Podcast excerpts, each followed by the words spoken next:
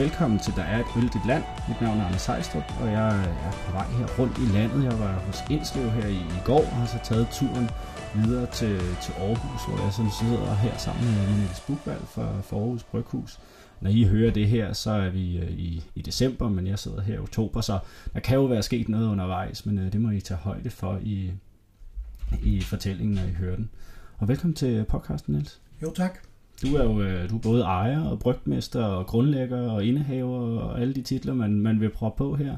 Jeg plejer at kalde mig gulfejer. Gulfejer, ja, det, du tager det hele. Øh, og du har, du har fundet en, en, en helt særlig øl frem til, til os i dag. Hvad er det, vi, øh, vi skal drikke? Jamen, øh, jeg tænker, at vi skal øh, teste den øh, nye øl, som er lavet til øh, Natholdets julekalender. Og øh, det er jo fint nok, at den her podcast først kommer om noget tid, fordi at til den tid er det måske lidt mere kendt, hvad det er for noget. Så derfor kan vi godt fortælle om den i dag. Ja, ja og, og det er jo sådan, at når den her podcast udkommer, så skulle gerne være 15. november eller 15. december. Og jeres øl er, er med et par dage senere i julekalenderen, så, så dem, der er hurtige til at høre det her, de kan jo få lidt, øh, lidt forskud på glæderne. Nemlig. Og som man kan høre, så er det en dåse, jeg lukker op. Vi har tappet en 44 cl dåse i et samarbejde med Syndikatet fra Randers. Og øh, vi har stillet øh, en opgave til Carsten Bertelsen, forstået på den måde, at vi har bedt Carsten Bertelsen om, hvad han gerne øh, kunne tænke sig. Og det er næppe nogen stor overraskelse, at det han gerne ville have, det var en, en belgisk klosterøl. Det lyder som Karsten, vil jeg Ja. sige. jeg ved, han, er, han har bestilt øl rundt omkring hos øh, nogle bryggerier til natholdets julekalender. Det, det er sjovt nok alle sammen noget belgisk inspireret, øh, men øh, det er jo Karsten i en nødskal. Det, det er det, hans hjerte banker for. Ja, kan, kan du fortælle lidt, øh, lidt om øllen? Så er det jo sjovt at prøve det. Øhm, Jonas, øh, som sidder oppe på syndikatet, øh, var jo øh, medinitiativtager til det her projekt. Og øh, han og jeg og, og vores brygger Jesper øh, stak hovederne sammen, og øh, ud af det er der så kommet en opskrift på en, jeg vil, jeg vil kalde det en belgisk dubbel, og om man så kalder det en klosterøl, det, så skal den jo være brygget på et kloster. Det kan man jo ikke lige frem påstå, at vi er her. Nej, det er, det er sådan meget typisk øh, hvad hedder sådan noget, industribygning. Ja. Øh, man kan sige, at der er to bærende ingredienser i, i den her øl. Den ene af de bærende ingredienser, det er gæren, hvor, hvor man vælger en, en gær, som, som giver de her noter af, ja, nogen vil sige banan. Øh, Ja, det, for det De her- fanger jeg. de her belgiske over, overgærstyper, de er, de er meget aromatiske. Og så den anden øh, af de bærende ingredienser, det er en, en malttype, som hedder Special B. Og, og jeg ved ikke, om B'et står for Belgien, men det kunne man sagtens forestille sig. Og, og den, den malttype er en karamelmalt, som er ristet øh, på en måde, således at farven på øllen bliver nærmest rødlig. Og, og faktisk øh, en, en ret flot nødeagtig smag og, og farve, der kommer på øllen. Ja, og jeg synes, øh, altså, at den banan, banansmag, du snakker om, den er mere tydelig i næsen end i munden. Og så synes jeg også, der er, en, øh, der er noget, noget tørret frugt, noget øh, rosin måske. Øh, der, er, altså, der er godt gang i den. Der er meget, altså den her belgiske gærkulturs øh, smag, som man kan frem i det, det øh, der har I ramt den øh, meget godt, vil jeg sige. Og jeg tror faktisk, at det her det er en god øl til, til julemaden. Og jeg tror også godt, man kan drikke den på alle andre tidspunkter, men sådan er der med meget juleøl, øh, der, der bliver lavet nu om dagen. Det er jo, det jo ham Christian Skovdal, som startede den bølge, at det ikke skal være decideret juleøl, men bare alt muligt øl, og så kalder man det jule. Ja, Øh, vi har fire juleøl i år i sortimentet, som har forskellige øh, formål, kan man sige. Men vi, vi forsøger altid at lave øl med en historie. det er jo det. Det er det, og, øhm, og for dem, der ikke lige ved, hvem Jonas fra Syndikatet er, som du har sagt før, så er det Jonas Jakobsen, der er øh, både brygmester og også øh, co-founder af Syndikatet, og han sidder nu også på, på Randers Bryghus og, og, og brygger for rigtig mange kontraktbryggere. Øhm, så han er, han er nok en, man har smagt øl fra, selvom det måske ikke har været for Syndikatet eller Randers Bryghus, så har man, har man nok prøvet nogle af hans.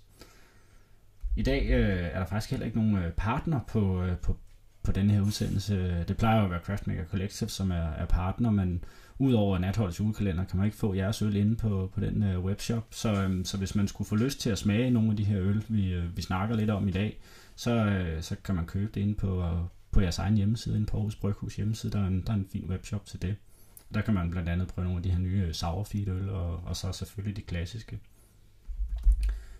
Men Niels, skal vi ikke, øh, skal vi ikke lige prøve at runde dig? Øh, hvad, hvad drikker du selv sådan typisk af, af stilarter for tiden? Åh, oh, jamen jeg, jeg er jo meget bred. Øh, jeg drikker sådan set det meste. Vi øh, kan godt finde, finde på, øh, nej det er, det er forkert at sige vi, fordi min kone drikker faktisk ikke øl, men, men øh, hvis jeg lukker noget op derhjemme, så, så kan det sagtens være en, en, en, en kodsort stav på den her tid af året, og meget gerne fadlagret. Men øh, det kan også øh, fint være noget, øh, som det vi drikker nu, hvor, hvor der er altså lidt mørkere og lidt fyldigere øl. Øh, IPA'er drikker vi selvfølgelig også gerne. Jeg er ikke rigtig mm, så stor tilhænger af de her Sauers, men vi har da lavet to Sauers nu her i den her Sauer feed serie. Øh, og det er første gang, vi har prøvet det, og der tvinger jeg mig selv en gang imellem til at, til at drikke en af dem, fordi at jeg har det sådan med øl, at øh, hvis der er en ølstil, jeg ikke rigtig bryder mig om, så er det kun fordi, jeg ikke har drukket nok af den. Det er det, det er man, i hvert fald også det, man siger nede i Bamberg, ikke? Når, man, når man sidder nede på Srinkerlærer, så siger jeg kan ikke lide røgøl. Så siger nej, men du skal drikke 4 liter, før du kan lide det. Vildt godt salgstrik til at få folk til at købe syv fadel mere efter, efter den første. Og jeg prøvede det på en tur til Bruxelles første gang, jeg var dernede. Det var med Dansk Brygmesterforening, og vi kom en helt fly fuld, og det var 30 grader varmt. Og vi kom til, til det første bryggeri på turen, og, og folk var virkelig tørstige. Og så blev der simpelthen stillet sådan en, øh, en stribe lambik op foran os. Og jeg siger, der er nogle af de her ældre brygmester, de, de, altså deres ansigter, de så helt forkert ud. Og de var faktisk temmelig uforskammede, fordi de bad om at få en pilsnøl. Og der gjorde jeg det modsatte. Jeg sagde, at jeg tvang mig selv til at drikke det. Og i de fire dage, vi var dernede, så tvang jeg mig selv til ikke at drikke andet. Og siden har jeg haft en stor kærlighed til, til især øh, gøs, men øh, ja, gøs, det synes jeg er fantastisk. Er der lidt det, er jo også, det er jo også i, over i, i det sure øl, ikke? Jo, jo, der er lidt mere liv i det, hvis man tager sådan en klassisk lambik, hvor at man ikke har fået blandet det her nye øl op i. Som, Lambikken, den kan godt være lidt svært tilgængelig, fordi den, den er nærmest som at bide i en sur citron. Ja, ja og sådan lidt mere flad i, altså både i karbonering og, og i smagen. Øh, og hvad, hvad er din, din go-to-øl, hvis du altså, bare sådan en almindelig øh, lørdag sidder med en, med en god film, og så skal have en øl? Hvad, hvad vil du tage der? Og så går jeg ud i skuret og kigger, og, men altså har jeg en klosterbryg stående, så er det altså stadigvæk vores signaturøl, og det, det er sådan en, som man altid bare kan drikke. Ja, ja og den havde I med i, var det, var det en DSV 1, I havde det med i den første Danmarks største Ja, det tror jeg. Ja. ja, det tror jeg. Hvilken er, hvilken er din, din sådan all-time favoritøl? Øh, hvis vi ser bort fra Aarhus Bryghus. Det må du gerne. ja, men øh, jeg plejer at fortælle historien om, jeg var øh, chef for, eller produktionsdirektør for det største bryggeri i Liverpool i to år i midten af 90'erne. Samtidig med Anders Kismeier var øh, rejsende brygmester for Carlsberg over til alle de Carlsberg bryggerier, der var derovre. Og Anders og jeg fik begge en forkærlighed for en øl, som hedder Timothy Taylors Landlord. Og Timothy Taylors er et lille bitte bryggeri, som ligger midt i England. Og i løbet af 140 år havde de kun haft fire brygmester. Um, øhm, og øllen, øh, den skal være karsk. Altså, så en gang imellem får vi den hjemme i Danmark, øh, enten på dåse eller, eller et fad, der bliver sendt herover. Det dur ikke. Det skal være helt frisk tappet, og det skal være fra fadet trukket ja. op i en handpul. Så er det altså så englene, de synger. Ja, og det, og det, det som du så snakker om, hvis folk ikke ved det, at når det er fra karsk og med handpul, så er det meget fladt øl. Øh, der er ikke den her karbonering i det her pilsnerprik, som, som vi kender til det i, i Danmark. Og det er jo helt levende øl. Altså det bliver jo, altså dengang der bryggede vi om mandagen. Om fredagen så øh, var øllet mere eller mindre færdiggæret. Så blev der øh, sat lidt, en lille smule køling på de her åbne gærkar, det var i. Og så om mandagen så faldt øllet i bogstaveligste forstand en etage ned i nogle tanke, hvor man så tilsatte en lille smule sukker og en lille smule stabiliseringsmidler, altså naturlige øh, øh, stabiliseringsmidler, der kunne få gæren til at fælde ud. Og om tirsdagen, der tappede vi det på flade, øh, stort set uden kulsyre, som du siger, og tilsatte øh, humle, altså dry hopped, altså bong hops. Om onsdagen, eller så om tirsdagen, fik det lov til, så røg det ud på vores lager til om onsdagen, og om onsdagen kørte man det ud.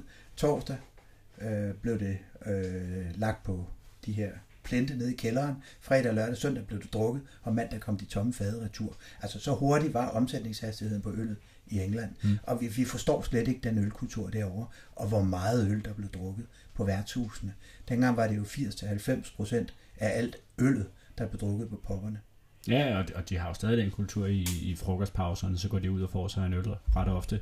Og det er jo så også nogle, nogle typisk nogle ret lav alkoholprocent pilsner, eller det bitters kalder man De her bitters, de ligger typisk øh, mellem 3 og 4 procent. Og det er, jo, det er jo virkelig lækkert, fordi en pint er jo 56, næsten 57 centiliter. Og, og for at man skal kunne drikke et par stykker af dem, så skal alkoholstyrken altså helst ikke være for høj. Ja, og man skal tilbage på arbejde bagefter. Det, der er der de kan godt drikke to pints til frokosten, og så kommer de tilbage på poppen om eftermiddagen, og så skal de lige have en pint, inden de tager hjem. Ja. Fordi at øh, børnene skal helst være lagt i seng, og maden skal stå på bordet, når de kommer. Så skovler de maden ind, og så går de ned på den lokale pop og får et par pints mere der. Det er jo det. Det er, det. Det, det er et helt andet samfund, end vi kender. Men, øh, men skal vi snakke lidt om, øh, om, om, ja, om Aarhus Bryghus og ja. lave den her sådan korte faktaboks, hvor øh, at det bare er nogle, nogle altså sådan helt ja-nej-agtige spørgsmål, øh, uden at det er ja-nej-agtige spørgsmål. Men øh, hvornår startede Aarhus Bryghus? Aarhus Bryghus blev stiftet i 2005. Ja, og, og så har du så fået Sauerfeed. Hvornår, hvornår kom det med? Det er så her i år, i foråret, februar måned, vi startede at lave dem. Ja, som er 2021. Ja. Øh, er I et uh, core range eller et eksperimenterende bryggeri? Øh, Aarhus Bryghus er absolut core range. Altså, vi lever af at være lokale. Vi har jo et øh, hjemmemarked, som jeg kalder det, på omkring en halv million mennesker, som bor i det gamle Aarhus Amt. Og der er vi deres go-to-øl. Og derfor så skal vi lave øl til almindelige forbrugere. Så er Sour Feed Rangen mere lavet som en eksperimenterende øl. Altså hvis fru Hansen øh, fik sådan en cranberry sour, så tror jeg, hun vil dø. Ja. Og, og det er derfor, vi kan ikke tillade os at sige den i Aarhus Bryghus navnet, fordi der er vi nødt til at differentiere de to øh, grupper af øl fra hinanden. Ja, det giver god mening. Meget øl brygger I herude om året? Vi laver små 400.000 liter øl om året. Ja, og, og, og hvor mange af de, altså hvor mange af de øl, I har, indgår i jeres core range? Øh, hvis vi går ind i vores lille besøgslokale, hvor vi også har en butik, så står der vel omkring en 25 forskellige øl for øjeblikket til sag. Ja, og hvor mange ansatte er I herude? Vi er syv. Syv ansatte. Og gennembrudsøllen, det var? Det var Klosterbryg, absolut, og det er stadig vores største øl. Ja, og så, ja, det er jo så næste spørgsmål, hvad jeres flagskibsøl var, men, men den tog du der i opløbet. Øh, og så, så, så hopper vi ind i de her sådan lidt mere uddybende spørgsmål, så der må du gerne give den gas. Du har jo en, en lang karriere i, i ølbranchen. Øh, altså, da jeg sad og researchede lidt, inden, inden jeg kom herud, der, der fik jeg et par forskellige resultater. Jeg læste, at du, øh, du startede med at brygge i 86. Andre steder, der stod der, at du fik, øh, altså blev udlært på den skandinaviske bryggerhøjskole i 84. Og du så har fået job i, øh, i det, der hedder Jyske Bryggerier, som var Tors, Sears og så Urban Bryggeriet op for Aalborg. Og det var så i 85. Øh, så kan vi lige få den her kronologiske rækkefølge på plads, hvordan, hvordan det er? Fordi jeg går ikke ud fra, at du først begyndte at brygge to år efter, du var færdiguddannet i hvert fald. Øhm, jeg blev uddannet kemiingeniør i januar 83 og øh, i foråret 83 var der optagelse til den skandinaviske bryggerhøjskole. Og der blev jeg så optaget på et af de største hold nogensinde. Vi var 12 på, på det hold. 8 fra Danmark, 2 fra Norge og 2 fra Finland. Øh, deriblandt Anders Kismeier, som vi snakkede om tidligere. Og øh, uddannelsen den blev så færdiggjort i efteråret 84. Og øh, der blev jeg så ansat på det, der hed Jyske Bryggerier dengang til at starte i februar 85. For i mellemtiden havde jeg fået rejselegat til en større studietur i USA. Så jeg brugte faktisk to måneder på at turnere rundt og se på mikrobryggerier og storskala bryggerier i USA i december-januar 84-85. Da jeg blev ansat på jyske bryggerier, så var det med henblik på at komme til Aarhus. Men inden ønskede man, at jeg tog et, et ophold på Tor i Randers, fordi at man var i gang med en større rokade af unge brygmestre, der skulle uddannes. Og øhm, jeg passede så tapperiet op på Tor i halvandet år, inden jeg så kom til Aarhus. Og der kom jeg så til i, ja, det må så blive sommeren 86. Og der overtog jeg hele produktionsdelen af Sears, hvor vi på daværende tidspunkt øh, havde en brygmester, der var fra 1929, og et produktionsanlæg, der var fra 1929. Og jeg fik så fornøjelsen af at pensionere begge. Fik et kommissorium om at øh, udvide produktionen fra omkring 200.000 hektoliter til omkring 300.000 hektoliter. Og øh, i løbet af de næste 10 år, så udvidede vi faktisk produktionen til næsten 1,1 million hektoliter. Ja, det var pænt. Øh, og i den 10-årige periode, der rev vi alt det gamle ned og erstattede det af moderne udstyr. Og da vi kom til begyndelsen af 90'erne, der var, der var det nok noget af det mest moderne, vi havde i Danmark. Fordi på det tidspunkt var Fredericia Bryggeri bygget i 79, og det havde jo så allerede en næsten en generation bag sig. Så vi var, vi var absolut noget af, af det mest moderne udstyr, vi havde i Danmark. Så sker der det, at vores, øh, altså i mellemtiden har vi i 1989 har vi købt Faxe, som jo var ved at gå konkurs. Det blev så tvunget til af Carlsberg, fordi Carlsberg ejede 40 procent af jyske bryggerier. Samtidig ønskede Carlsberg at overtage Coca-Cola, og for at øh, de kunne få lov til det, så var de nødt til at sælge øh, deres andel i jyske bryggerier. Og derfor blev der lavet en meget stor omrokering, øh, hvad man nu skal kalde det, hvor øh, jyske bryggerier blev til bryggerigruppen. Herunder købte man Faxe. Og Carlsberg solgte sin ejerandel i jyske bryggerier, således at man blev fuldstændig uafhængig. Øh, og derfra så skete der så en, en, en længere vækst, vækstrejse. I 92 der købte man et bryggeri over i Liverpool, det hed Robert Kane Company, og i starten blev jeg bedt om at tage det over som teknisk konsulent. Og på et tidspunkt øh, begår jeg den fejl, at jeg øh, konstaterer, at vi bliver nok nødt til at sende en dansk brygmester derover. Øh, når jeg siger, at det er en fejl, så er det fordi, jeg havde aldrig forventet, at jeg selv skulle over. Men øh, sådan endte det. Så i de små to år, der, der rejste jeg derover frem og tilbage, og var der over en uge ad gangen og tog hjem i weekenden, for jeg kunne ikke få min familie med derover. Øh, utroligt spændende land at være i, men øh, øh de har altså et lidt antikveret syn på, på mange ting herunder kvinder og børn, så jeg kunne simpelthen ikke lokke min kone med derover. Nej, nej, altså du var derovre i, i de to år, som du siger. Hvad, hvad, hvad lærte du af at, at være altså, brygger i England? Uha, altså især altså den der kultur, som var helt anderledes, men altså netop, altså det er jo fedt. Altså det, den engelske kultur omkring øl, omkring ale, altså den er jo spændende, og, og, og på, på mange måder, så har de jo udviklet sig anderledes end kontinentet, hvor, hvor kontinentet og resten af verden for så vidt, det er jo pilsnerøl, pilsnerøl, pilsnerøl. Og det kunne de jo ikke finde ud af at brygge i England. Det kunne vi så lære dem at brygge i England. Til gengæld så lærte jeg jo at brygge øh, overgæret øl og arbejde med aromahumler og, og, og spændende råvarer. Altså, altså noget så banalt som karamelmalt, det brugte vi ikke på Sears. Vi anede ikke, hvad det var. Altså, pilsnermalt, mønchnermalt, farvemalt, bum, og bitterhumle, bum. Og så lavede man øl ud fra det. Mm. Altså, det var en helt ny verden derude, der, der åbnede sig for mig. Og, og nogle helt andre øh, ingredienser, de arbejdede med. Øh, uraffineret rørsukker, øh, frugt. Altså, de var meget mere kreative i deres tilgang til at brygge øl. Ja, ja, og du er jo så derovre i, i to år og kommer så hjem og, og, og fortsætter hos, øh, hos Sears. Ja, altså, altså, jeg har jo været i den koncern hele tiden. Ja. Da, da jeg så kommer hjem, så har man øh, i koncernen øh, et ønske om at indføre SAP, et stort økonomisystem. Og øh, på det tidspunkt har vi jo så også købt Albani. Nej, undskyld, det kører jo først 2002. Nej, på det tidspunkt er der jo Sears og Thor og Faxe og Keynes. Ja, Urban er, Urban er lukket meget længe, længe ja. forinden. Og øhm, der, der bliver så nedsat en stor arbejdsgruppe omkring at, at indføre SAP, fordi SAP er jo mere end bare et regnskabssystem det er jo baseret på en forretningsmodel. Og vi havde så mange bryggerier, som havde fraktionerede forretningsmodeller, fordi vi var en sammenbragt familie. Og derfor så valgte man at holde SAP ud som en sig, og så kaste hele organisationen op i luften, og så tilpasse organisationen til SAP, frem for at tilpasse SAP til organisationen.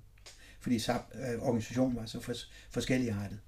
Øh, og det var en, en, en stor øvelse, der varede i, i næsten to år, hvor vi var 40 medarbejdere, der var pillet ud af, af vores dagligdag.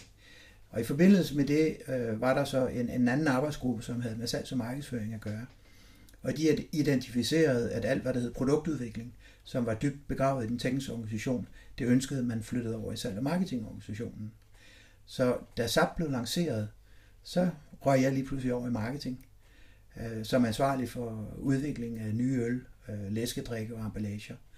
Og så sad jeg lige pludselig otte år i marketing. Øh, med base i Aarhus, men, men med temmelig mange arbejdsdage i Faxe. Ja, man bruger stadig SAP den dag i dag. Øh, det gør man, og, og, og det er noget af bedst at, at, få op at stå, men øh, jeg er ikke, ikke sekund i tvivl om, at når man har så stor en virksomhed, så, så er det et, et værdifuldt system. Det kræver en masse disciplin at bruge det, men øh, når først det er indført, så, ja, så er der ingen vej tilbage. Det er jo det. Og I køber jo så Albani i 2002, og i 2005, der, der er det jo så, man, man omdanner bryggeri øh, gruppen til Royal Unibrew, øh, får det nye navn her. Og du vælger så i samme moment, øh, jeg ved ikke om det er samme moment, men i hvert fald samme år, at forlade øh, Royal Unibrew, øh, for så at starte dit, øh, dit eget her i, øh, i Aarhus. Hvad, hvad, hvad var tankerne bag det? Hvis vi lige spoler tilbage til 1992, ja. hvor vi var midt i den her kæmpe store udvidelse på Sears, der var vi kommet dertil, at øh, vi skulle have et nyt bryghus. Og det er jo sådan hjertet i et bryggeri. Og, og vi, vi stod og kiggede ind i en investering, der, der lignede en 100 millioner kroner plus i 1992. Og det var pænt mange penge. Og derfor blev der nedsat to arbejdsgrupper. Der blev nedsat en arbejdsgruppe, der skulle kigge på, hvor meget øl kunne man overhovedet lave inde på Seersgrunden. Fordi vi ligger altså klemt inde, eller lå klemt inde midt inde i centrum, en kilometer fra Domkirken. Og øh, en anden arbejdsgruppe kiggede så på, hvis man skulle lukke bryggeriet og flytte ud af byen, hvor skulle man så flytte hen? Øhm, og det stod og faldt på, hvor meget vi kunne få for grunden. Og i 1992, der kunne man ikke få de 200 millioner kroner for grunden, som var break-even for, at man skulle flytte ud af byen. Og derfor valgte man at investere de 100 millioner kroner i et nyt bryghus. Øh, og vi vurderede, grund. Ja, og ja. vi vurderede, at man kunne lave 2,5 millioner hektoliter øl på grunden. Lidt afhængig af splittet mellem øh, indgangsemballage og returemballage. Man skal huske på, at Sears var jo en meget eksport, eksporttung virksomhed. 80% af det, der blev produceret inde i Aarhus, det gik til eksport, og det var på engangsemballage. Øh, og hvis man øh, i stedet for at skulle bruge retur, returemballage, så fylder det meget mere. Altså så skal man have en kæmpe stor emballageplads til alt det her emballage. Så baseret på vores meget, meget store øh, andel af eksportvarer, så kunne vi lave rigtig meget øl derinde på den grund. Men når vi så kommer til 2005, så har jeg flere gode venner øh, inden for, for nogle af de her store entreprenørvirksomheder, Tækker og Delinde, som uafhængige af hinanden fortæller mig, at grunden er et sted mellem 800 og 900 millioner kroner værd. Der er 75.000 kvadratmeter, der ligger 1 kilometer fra Domkirken. Centralt i Aarhus. Er det centralt? Og øh, det kunne jeg simpelthen ikke sidde overhørt, fordi jeg havde været med til at lukke så mange bryggerier i, i tidens løb.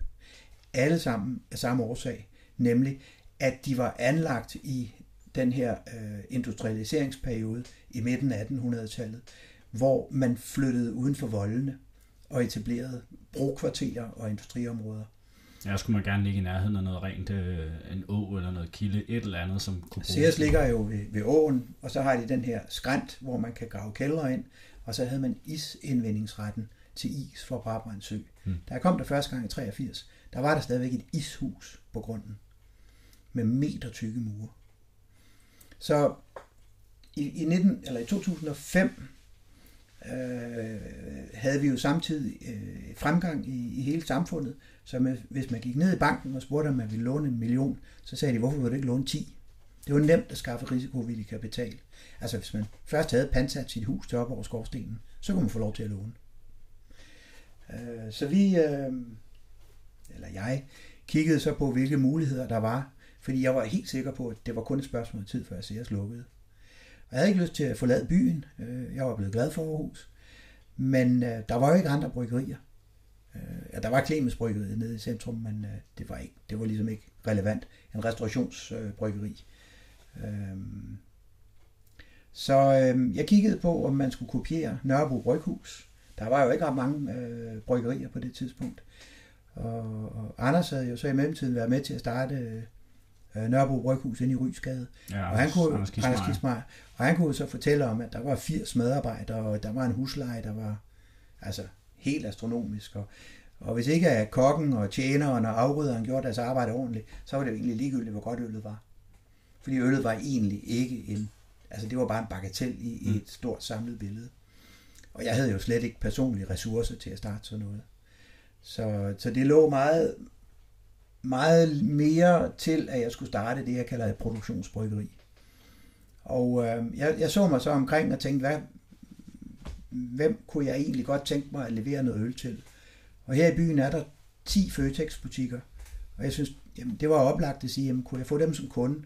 Så havde, så havde jeg vist, at, at det produkt, som jeg havde tænkt mig at lave, det havde berettigelse.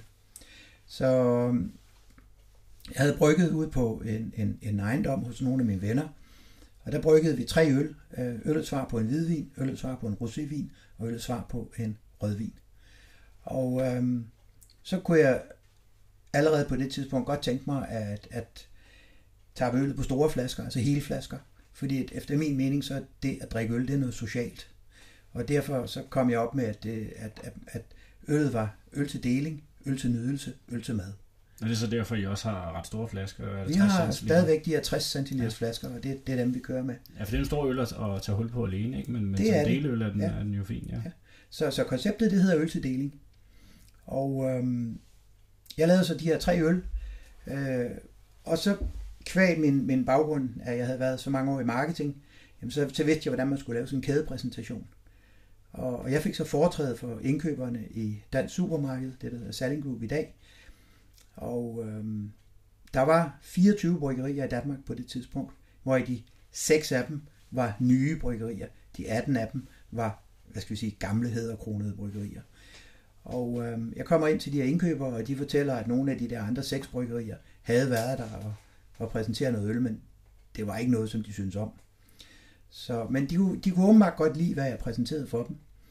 For øh, de sagde, at øh, øl det er ikke noget, man sælger øh, bare i 10 Føtexer i Aarhus. Det skal sælges via tilbudsaviser nationalt. Så øh, inden jeg så mig om, så havde jeg en aftale om national levering til Føtex, national levering til Bilka og levering til Salling i Aarhus og Salling i Aalborg. Ja. Så begyndte de at snakke om netto. Det er 350 butikker og 25 procent af dansk detailhandel. Så jeg sagde, ja, nu tager vi lige en ting ad gangen.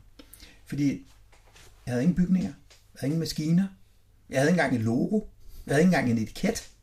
Jeg vidste bare, at det skulle hedde Aarhus Bryghus, og jeg vidste, at det skulle i de der store flasker.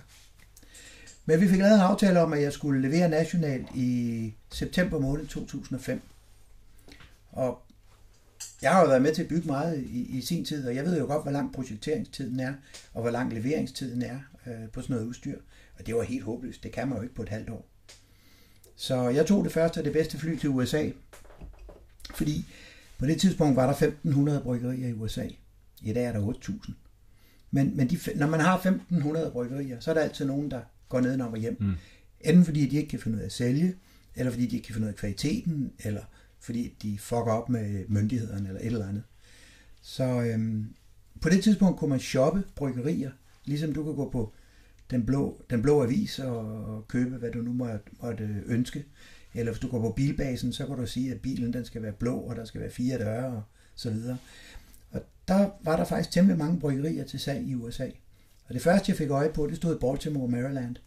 Det købte Braunstein lige for næsen af mig. Det næste, det købte Stensbogård lige for næsen af mig. Det er det, som Flying Couch overtog, og som de lige har, har lukket ned.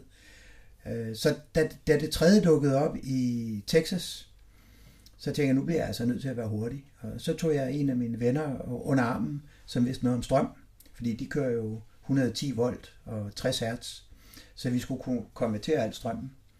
Og så bookede jeg to 40 fods container hos øh, Mærsk. Så da vi kom derover med fly, så stod der to 40 fods container uden for bryggeriet. Og så hyrede vi en øh, underentreprenør, en amerikaner, som kom kørende fra Chicago ned til Texas med bilen fuld af værktøj. Og for fem dage, der, på fem dage, der skrællede vi et bryggeri og pakkede det i to 40 container og fik sejlet det til Danmark. Det er stadigvæk det, vi har i dag. Okay, det lyder nærmest som, når man hører med et eller andet i Kina, de, skal de lige bygge en ny by eller sådan noget, ikke? så på fem dage, duk, så, er det, så står der sådan en hel millionby. Ja, det var ret hektisk periode. Ja, det, øh, det lyder sådan. Også modigt at, at bestille det på forhånd, før man har beset det. Ja, men jeg var ret sikker på, at det skulle, skulle nok fungere, det her. Ja. Øh, der var så lige en lille mellemting, det var, at øh, ham, der havde det, han havde netop svindlet med myndighederne. Og så var han blevet lukket ned, han måtte ikke sælge sit øl. Så havde han jo ikke nogen indtægter. Så havde ham, der havde lejet, han havde lejet lokalerne hos ham, han havde smidt ham ud øh, at gunpoint. Seriøst, at gunpoint. Han havde bare fået at vide, at han skulle bare ud. Så var der sat nye øh, låse i alle dørene. Så det vi kom, der stod der et bryggeri med øl i tankene, øl på båndet til tappemaskinen, øl i tappemaskinen, flasker uden kapsler på, og så videre. Helt, altså det var simpelthen Ja, det var efterladt. bare- Ja, Der var ikke strøm tændt, der var 30 grader varmt, der var ikke noget vand. Det var lidt ulækkert. hvor længe har det stået sådan? Halvt år. Halvt år, ja, ja. Og vi kunne ikke gøre andet end dumpe øllet. Og, og, og, og, og da, da der ikke var adgang til vand, så kunne vi ikke andet end pakke det ned, og så måtte vi jo så gøre det rent, når vi kom hertil. Ja. Nu er det så heldigt, at det er rustfri stål det hele. Og altså, Ja, det kan holde til det, men det, Det er kan da- holde til det, ja, ja. det er da ulækkert. Nå, og så, øh, så, så, så har du sætter du dig for at, at lave Aarhus Bryghus. Har du, har du opnået det, du, du satte dig for? mm, ja, det må jeg sige. Altså, jeg startede jo helt alene. Der var jo kun mig i starten. Og, og vi havde kun den ene kunde, der er supermarked, for det var en eksklusiv aftale, vi lavede. Så jeg, jeg plejer at sige, at vi blev bryggeri nummer 25. Men i løbet af et halvt år var der 50 bryggerier i Danmark, og et år efter var der 90. Og så kunne vi jo godt se, at, øh, at nu begyndte vores salg i dansk supermarked, det begyndte at gå den forkerte vej, hvor vi så tog et proaktivt skridt og valgte at opsige den eksklusive aftale med, med dansk supermarked, og så gå ud øh, her bredt lokalt i Aarhus, som hele tiden var planen. Og i dag har vi vel omkring 200 kunder lokalt i Aarhus, og, og vi er gået fra, at jeg er helt alene til, at vi er syv mand, og vi laver nok, ja, også tilsvarende syv gange så meget øl, som vi gjorde dengang. Og i dag tapper vi jo både fadøl og flaskeøl og dåser. Ja, fordi altså nu, nu jeg, jeg er jo ikke bosat i København, lidt udenfor, og har boet i København. Det er jo ikke meget, man, man ser jeres øl over i i København. Jeg tror, jeg har fundet det i noget Rema 1000 øh, en gang imellem. Vi har et, et, en enkelt øh, kunde, der hedder Damberg, Dambergs Ølmagasin inde på Vesterbro, som øh, har det på dåse, altså hele vores Sourfeed-serie. Mm. Mm. Men ellers så er vi absolut ikke repræsenteret i København. Øh, Jeg påstår stadigvæk, at, at, at hele den her øh, ølbølge, der skal man drikke lokalt. Altså, øl smager bedst i Aarhus, hvis man drikker øl fra Aarhus Bryghus. Og tager man til Skagen, så skal man drikke øl fra Skagen Bryghus. Tager man til Viborg, skal man drikke øl fra Viborg Bryghus, og så videre. Det er der, vi har en berettigelse, og øllet er altså helt klart bedst lokalt. Ja, ja, fordi næste spørgsmål er jo så, om, om det er en fordel eller en ulempe at, at have så lokalt et navn som Aarhus Bryghus. Fordi det er jo, det er jo i hvert fald meget lokalt forankret, men det gør jo også, at man så ikke er Københavns Bryghus, blandt andet. Ikke? Øhm, Mm, Både ja og nej. Altså, øh, der er et hollandsk bryggeri, der hedder Grolsch. De sælger deres øl i hele verden. Grolsch, det er altså navnet på en by i Holland. Toyota, det er en by i, i Japan. Mm. Cadillac, det er en by i Frankrig. Så på et eller andet tidspunkt, så bliver brandet større end den by, det kommer fra. Så det behøver ikke nødvendigvis at være en ulempe at hedde øh, Aarhus Bryghus. nej, nej, men jeg tænkte, det kunne måske være derfor, at I havde fokuseret meget på... Men vi har fokuseret på det helt klart på grund af fokusen til, til ja. det lokale. Altså, en, har man et grundlag, kundegrundlag på en halv million mennesker, altså det er lidt som Morten siger med Amager, Amager Bryghus, ikke? Er der 70.000 mennesker, der bor på Amager, eller hvor mange det er? Ja, Det er rigtig mange, ikke? Han har så formået at, at komme ud over, må man, må man sige, i høj grad. Og det har han jo, fordi at den type af øl, han laver, appellerer til et, måske en, en lidt mere snæver målgruppe. Og så skal man længere ud med det. Ja, jamen det tror jeg, du har ret i. Han, han henviser også til dig i det allerførste afsnit af podcasten, hvor han også siger, at altså, der, der, der er kun en, der har en bedre kundegruppe lokalt forankret i, i hele Danmark, og det, det er Niels Bukvald for Aarhus. Det er han, han har helt Aarhus for sig selv. Ja. stort set. Der er altså så kommet flere til her de, de sidste par år, hvor at, øh, man kan sige, navnet Aarhus Bryghus giver sig selv. Øh, men, men, men hvor kom øh, navnet til Sauerfeed ind? Det er jo ikke øh, nødvendigvis en, sådan en normal ting. Nej, øh, det var lidt fri leg. Og, og hele Sauerfeed-projektet er lidt fri leg. Det er lidt vores frirum, hvor vi skal have lov til at, at eksperimentere og lege. Og de fleste af mine medarbejdere er jo yngre mennesker. Og de skal altså også have lov til at være lidt kreative. Og øh, vi gik og snakkede om mange ting, og, og der var ikke rigtig nogen, der sådan øh, kunne finde på, på, på et godt navn til det. Og vi endte med Sauerfeed, og, og historien bag Sauerfeed er, at øh, vi render rundt her i, i arbejdstøj, om det er sikkerhedssko eller gummistøvler. Og efter en lang dag, så er, er noget af det lækreste, der findes, det er jo altså at smide fodtøjet, og få de her sure fod, fødder op i, smække dem op i sofaen, eller hvor det nu er, og så har man gjort sig fortjent til en god øl. Okay, ja, det, det giver mig Når man ser sour så tænker jeg umiddelbart, jamen, så er det jo nok øh, noget, noget surt øl. Ja. Og der har I jo brygget blandt andet uh, New England uh, IPA'er til at starte med, sammen med, med, med to. Altså I har i hvert fald fire repræsenteret inden for jeres uh, hjemmeside. Uh, to New England og to Sours. Jeg tror, vi har lavet øh, seks forskellige øl i serien nu. Og der er to sours, og så er der øh, en, en dobbelt IPA og en juicy IPA. Og så er der en black peated IPA. Og så er der så den her, som vi drikker nu, som jeg vil kalde en belgisk. Ja, og, og nu, nu, nu spørger jeg måske lidt, øh, lidt for sent i forhold til, at vi har snakket om, om din, øh, din julemøde til, til Natholds julekalender, men den er jo meget klassisk. Der er jo ikke så meget eksperimenterende i den, eller hvordan? Hvorfor Nej, det, men det, det er jo så, øh, hvad hedder det, Carsten Bertelsen. Og vi, vi prøvede at tweak det en lille smule ved at bruge nogle amerikanske humler, men de er ikke, de er ikke rigtig trængt igennem, fordi gæren og, og den her malt Special B, den er så dominerende. Men vi forsøgte at tweake det en lille smule med nogle amerikanske humler. Ja, nå, men jeg mente også mere, hvor, hvorfor det var kommet i Sourfeed-brandet og ikke Aarhus Bryghus-brandet. For der havde det også godt kunne være, tænker jeg. Ja, men jeg tænkte, at, at, at når, når det nu er øh, et samarbejde mellem syndikatet, som er ligesom Randers Bryghusets øh, ghost-brand, ja. om du så vil, så synes jeg, det passede bedre med Sourfeed, end det passede med Aarhus Bryghus. Ja, ja. Der... Også fordi det skulle på dåse. Vi har, ikke, jo, vi har faktisk også tre af vores varianter øh, fra Aarhus Bryghus på, på dåse. Men, men der, er lidt mere, der er lidt mere spejl og lidt mere pjank på den her etiket, hvor Aarhus Bryghus etiketterne, de også er meget mere klassiske. Ja. Så, så hele, hele konceptet synes jeg egentlig passede bedre med Sour Feed end med, med Aarhus Bryghus. Ja, og man kan sige, det er jo en god måde at få et nyt brand ud til, til utrolig mange danskere. Ikke? Det, er jo, det er jo nok den første bekendtskab, rigtig mange vil, vil få med, med jeres nye brand, så ja. det, er jo, det er jo også en god kanal til det. Øhm, så er det jo øh, altså, så er der det her med, at, at det skal være de eksperimenterende øl, der er i sour feed.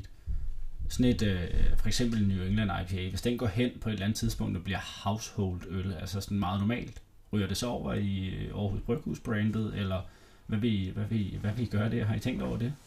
Jeg tror, at øh, de enkelte øl i sour feed lever deres eget liv, men man kan jo sagtens tage en, skal vi sige, en opskrift, øh, som man synes, man har været særlig heldig med i sour feed, og hvis man så synes, den passer ind i Aarhus Bryghus-universet, så at, kan man jo sagtens øh, trække den over i det univers. Ja, så det, det er ikke meningen, der skal være noget core range overhovedet i Sour Feed. Men... Nej, nej, nej. Sour Feed er helt baseret på kun at lave unika øl. Vi laver aldrig den samme øl to gange. Nej, øhm, og så giver det jo god mening, hvis der er specielt efterspørgsel på en, ja. øh, som så måske ikke er alt for specielt, ikke? at man så tager det over. Ja, god idé. Øh, og, og og der skal jeg jo lige sige tak til, til Nikolaj Eskelund, som, øh, som har stillet et spørgsmål, der minder lidt om, om det.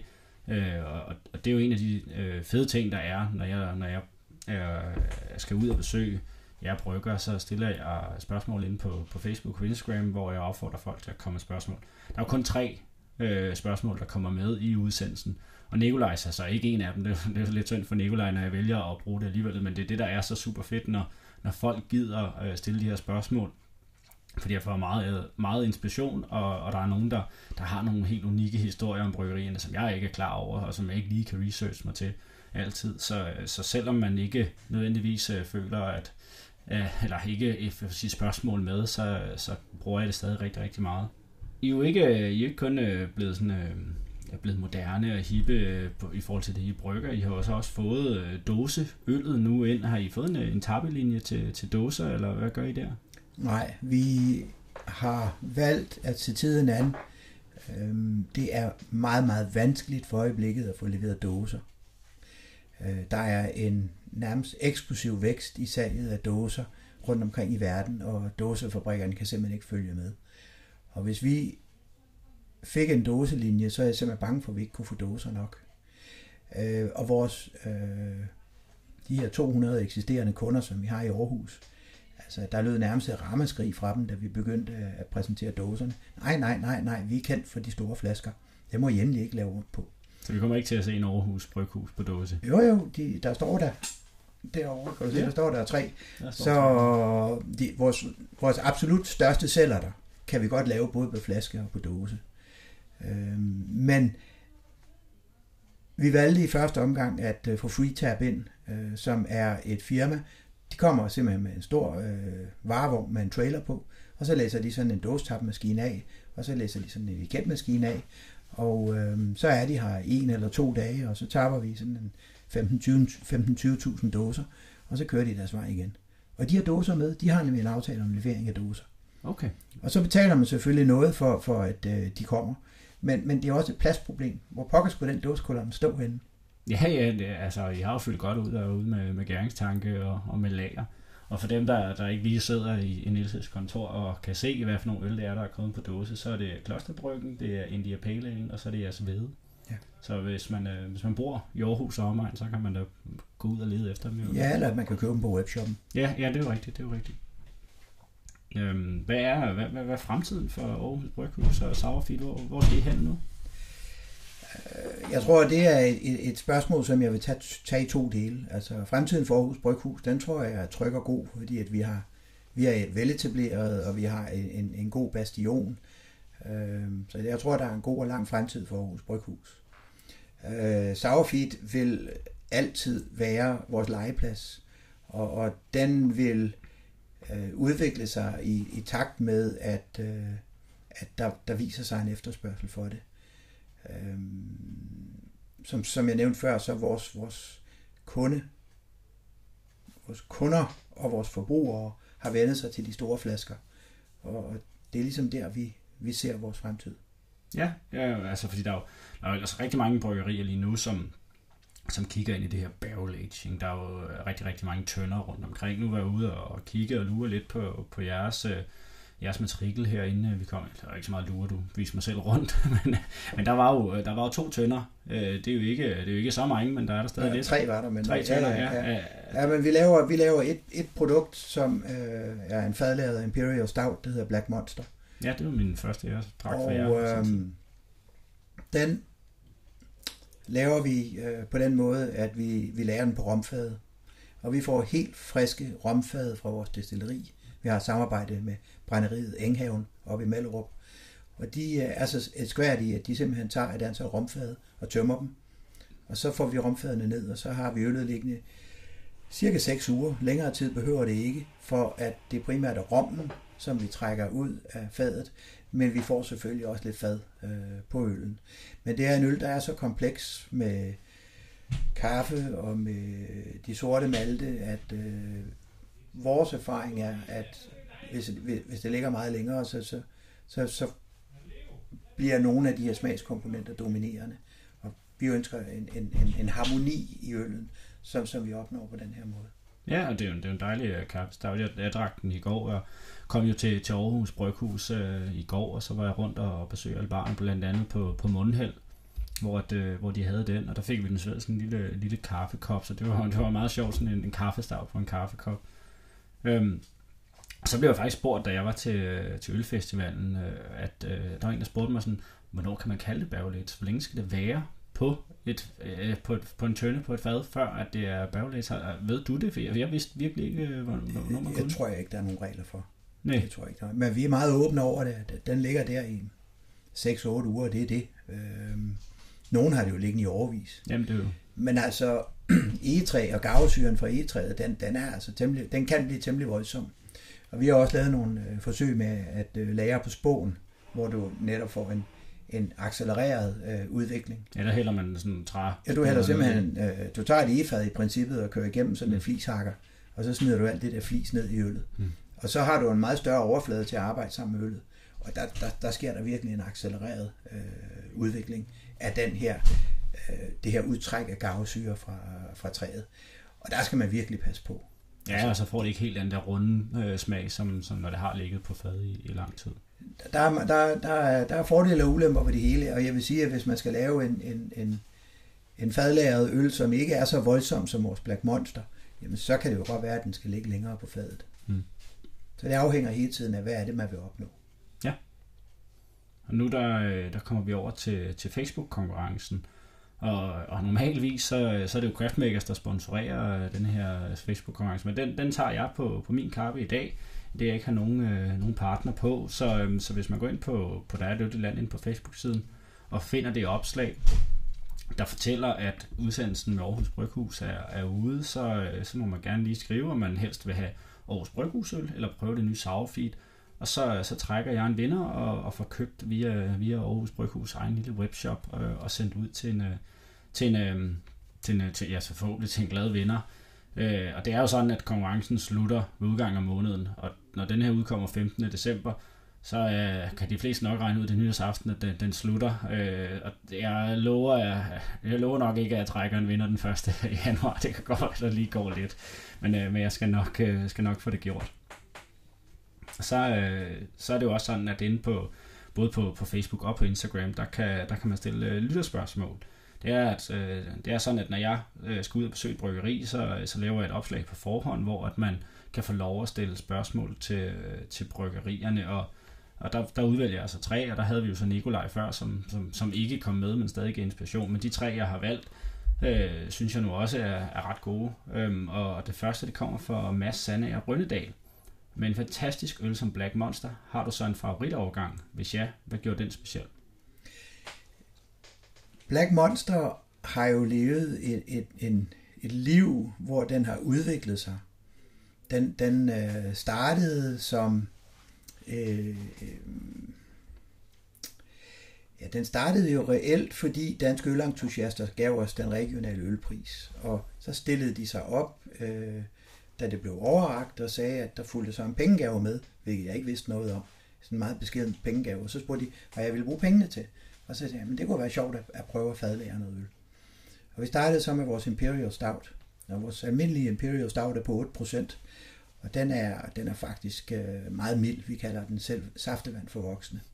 Alle kan drikke den, selv kvinder. altså den er virkelig, det er virkelig en crowd pleaser. Men det er faktisk en meget populær øh, crowd pleaser. Mm.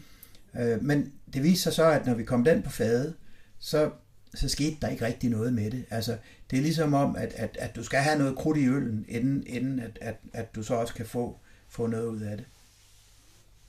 Og så, øh, så har vi så tweaked den i årene, og øh, dels øh, har vi øh, valgt en, en meget mørkere og mere sort malt, som giver mere karakter. Øh, dels har vi valgt en humlesort, der hedder Polaris. Vi har et dogme om, at vi kun bruger aromahumle her på bryggeriet. Altså selv til, til den del af humledoseringen, som giver bitterhed, der bruger vi kun aromahumle, fordi det giver altså den her fløjlsbløde, lækre smag inden, inden midt på tungen. Mm. Men der har vi så valgt Polaris, fordi det simpelthen var den humle, vi kunne finde, der havde det højeste alfasyre. For der skulle bare så meget humle i, som vi overhovedet kunne proppe ned i den kedel. Og der, der er altså en fysisk grænse for, hvor meget vi kan have i vores kedel. Og så valgte vi simpelthen den aromahumle, der havde det højeste alfasyre. Og det gav virkelig et boost til øllen. Ja, det kan man virkelig, man kan virkelig fornemme øh, den humle der, når man bare dufter til den. Så valgte vi så øh, efterfølgende øh, at, øh, at lære den på, på de fade, som vi nu kunne få. Hvert år købte vi nogle nye fade. Jeg tror, vi havde cognacfade det første år, og så havde vi whiskyfade øh, det, det næste år, som kom over fra Glenlivet, men oprindeligt var det bourbonfadet, fordi de gav virkelig vanilje i, i, i smagen. Og så havde vi et år, hvor vi brugte hvidvinsfadet, fordi vi ikke kunne få andet. Øh, og så det fjerde år, der fik vi så romfadet. Og det var ligesom om, at romfadet og, og den der sødme, som der er i rommen, den gik fantastisk godt i spænd med det sorte øl. Og øh, den seneste tilføjelse lavede vi så for en 3-4 år siden, hvor vi så tilførte en, en single estate øh, arabica kaffe fra Mount Kilimanjaro, øh, som er lavet af vores venner øh, lige over ved siden af os, Black Coffee Roasters, som er en helt fantastisk gummikaffe. Og den kompleksitet, som, som humlen og kaffen og romfadet og træet øh, giver, har gjort, at den, den i virkeligheden, synes jeg, er, er meget kompleks, men harmonisk, uden at der er en enkelt af de her smagskomponenter, der stikker igennem. Og, og vi har nu faktisk i fire år ikke lavet om på den. Og det fortæller mig, at det faktisk er, nu er vi havnet der, hvor vi skal være. Mm. Det er, det er en øl, hvor, hvor vi siger, køb en kasse, gem den, glem den og glæd dig. Og, og, og når man spørger til, hvad for en årgang, der er bedst, jamen, så vil jeg næsten sige, jamen, lav det her med at smage den år efter år, den samme øl, fordi den udvikler sig, og den modner. Og nogen kan lide moren, og nogen kan lide datteren. Øh, personligt, så, så, er jeg mest, så er jeg mere til de modne. Altså, jeg kan godt lide en, en, en stav, der er 5-10 år gammel. Øh, der sker så desværre det, at øh, når man tapper det på flasker, så siver kulsyren altså ud af kapslen. Så hvis den er meget mere end 10 år gammel, så begynder den at blive så flad, så den er uinteressant. Okay. Men, men de første 10 år i hvert fald, der kan man med fornøjelse gemme og, og, og drikke de her brostavns. Okay, så altså din, din favoritovergang er de, de sidste fire? Kan Ja, jeg, ja, helt sikkert. Øh, og så, øh, så, så kan det være, at lytterne nu kan høre, at der foregår lidt i baggrunden. Øh, der, er, der er arrangement herude i dag for nogle, nogle frivillige til, var det Aarhus Festuge? Ja, til Aarhus Festuge leverer vi til et af teltene, og alle de frivillige er her som sådan et øh, opfølgningsmøde, hvor de er i vores bar. Det er det, og det virker til, at de her pause nu. Toilettet bliver flittigt brugt, og nu rummer køleskabet også. Jeg tænker, at vi lige tager en, en lille pause til, til der ikke er, er de øh, baggrundslyde, og så er vi tilbage lige om lidt igen. Mit navn er Carsten Bertelsen. I lytter til podcasten Der er et øldigt land. Jazz. Godt, vi er tilbage. Næste spørgsmål det kommer fra Lars Jørgensen fra Beer Stories. Og han, øh, han, han skriver, Nipas og Sours er den store trend lige nu. Øh, er de, er de, er, tror, tror du, at de, er, de sådan stille og roligt er, er kommet for at blive, eller hvad bliver det næste store? Det er svært at sige. Jeg plejer at sige, at trends starter i Japan, så kommer de til USA, så kommer de til England, så kommer de til Europa, så kommer de til København, og så kommer de til Aarhus. Så vi, vi er stort set ikke engang kommet til, til Naipas og Sauers endnu. Det er vi, men, men øh, jeg tror, at, at det, de brede forbrugere her i, i byen er kun lige blevet introduceret for det. Så vi er lidt rosinen i pølseenden, så øh, Neipas altså og Sauers vil i hvert fald her i, i byen stadig være interessant i, i lang tid endnu. Og hvad det, hvad det næste, der kommer, vil være, det øh, skal jeg ikke kloge mig på. Men jeg ved i hvert fald, at jeg tror ikke, eller jeg tror i hvert fald ikke på, at det bliver pilsner, som man har snakket så meget om. Nej, IF det lager. Og jeg kan, jeg kan bekræfte det med, at, øh, at Saros ikke er så stort i Aarhus. Nu, øh, nu tog jeg en, en rundtur, en popcrawl i går, hvor jeg forbi Mundhæld, og så ned på Humleland, og så videre på Erlings Jazz Ølbar, og så Ølsnekeren, og så Åben. Øh, og så skulle jeg have været på Michael, men det er noget, jeg ikke de lukkede kl. 12, stod derinde på deres, øh, på deres øh, Instagram-side, så jeg gad ikke gå hele vejen derop. Men der var maks én sauer øh, på, på hver af de her bar, og der var også nogen, der ikke havde. Øh, og det, det er i hvert fald ikke det indtryk, man har, når man er i København. Der, der er mange sauer så vælge imellem. Næste spørgsmål kommer så fra Two Dudes, One Beer, øh, som er en, øh, en, en blog inde på Instagram. At hed Aarhus Bryghus ligger jo op af en form for patriotisme til, øh, til Smilets by. Har Niels gjort sig idéer til at lave Aarhus Tribute og indfange vores kære by på flaske? Og i så fald, hvad skulle den udtrykke i forhold til noget, noget stil, noget smag eller bare noget andet sjovt? Jeg har jo faktisk en øl, der hedder Aarhus Tribute. Den har jeg jo haft i mange år. I 2004 var det 60 år siden, den 4. april, at Beatles de havde førstepladsen, andenpladsen, tredjepladsen, fjerdepladsen og femtepladsen på Billboards Top 100. Noget, der nok aldrig kommer til at ske igen. Og øh, i den anledning, der lavede vi den første tribute-øl, og derfor hedder den tribute, for det var en hyldest til det bedste fra Liverpool. Og der gik jeg så igen tilbage til min tid i Liverpool, og lavede en, en øl, som var en barley wine.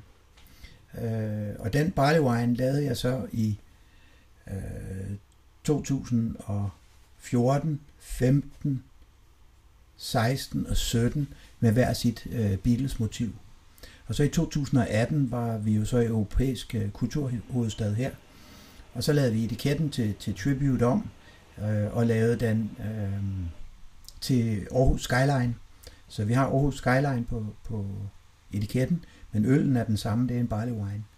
En, en øh, lidt underkendt øl, øh, stil, men øh, en, en, en dejlig øl, som er netop på den her tid af året jo en, en, en rigtig nydeøl Mm. til, til sådan en god gryderet eller simmermad. Ja, og vi er jo nogen, der kæmper meget hårdt for at, at fremme barley wines igen i, i form af det her barley wemper, som Ja, vi kører i november. Ja. Ja. Altså det kan være, at man er, er heldig at finde den derude snart igen. Jeg har i hvert fald ikke fundet den, men, men det er jo også klart, når, når jeg ikke er så tit i Aarhus. Men der skal du, den kan du igen kun købe i Aarhus. Det er jo For det. det er jo ikke, det er jo ikke en, der er ude i bredere distribution. Ja, det passer ikke helt, fordi vi har to distributører, og de vil jo gerne have, have de her kraftige øl med. Fordi at vi har en del øl i sortimentet, som ligger der mellem 8 og 10 procent. hvor øh, de udvikler sig, de modner, og de bliver faktisk bedre med tiden. Og øh, der er den her Tribute en af dem. Så den burde være til at finde ud i landet. Men ellers vores webshop har den. Ja, og så man ikke kan logge en ud af inden jeg smutter herfra i dag. Du blinker. Det var det, det, var, det var jeg glad for at se. Øh, hvis du skulle vælge en af de her spørgsmål, hvad, hvad, hvad, hvad, synes du så var det bedste? Mm. Jamen, jeg synes, de er gode alle sammen. Altså, der, er- der er ikke... Det, det er svært at sige. Det vil, jeg, det vil jeg lade være op til dig, fordi det er ikke... Det har du nok bedre forstand på.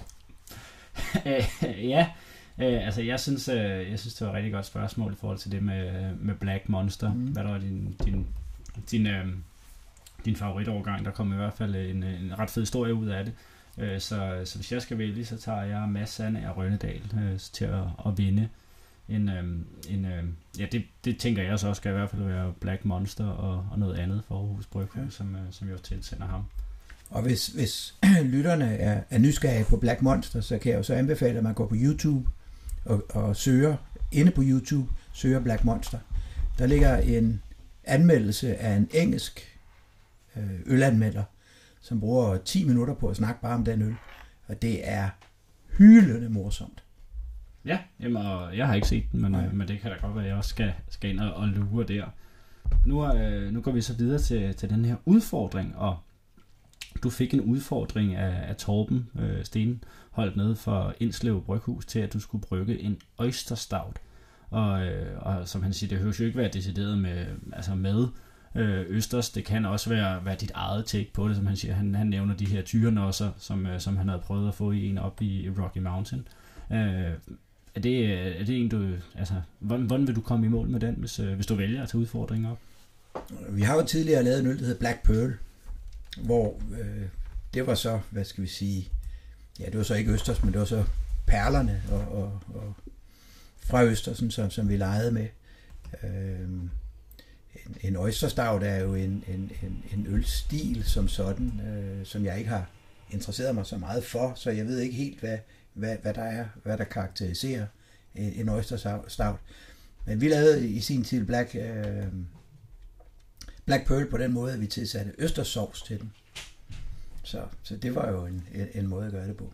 Ja, ja det, det, det lyder da... Altså, det, det lyder da i hvert fald som om, at det kunne være, Ja. være et sjovt gentryk, hvis, hvis det er.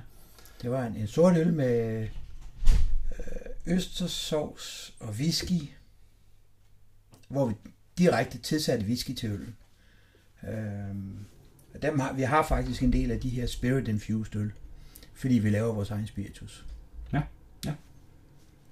Og du skal jo så finde på en udfordring til, øh, til Gamma, og det bliver, øh, bliver Jakob over for, for Gamma, jeg sætter mig og, og snakker med.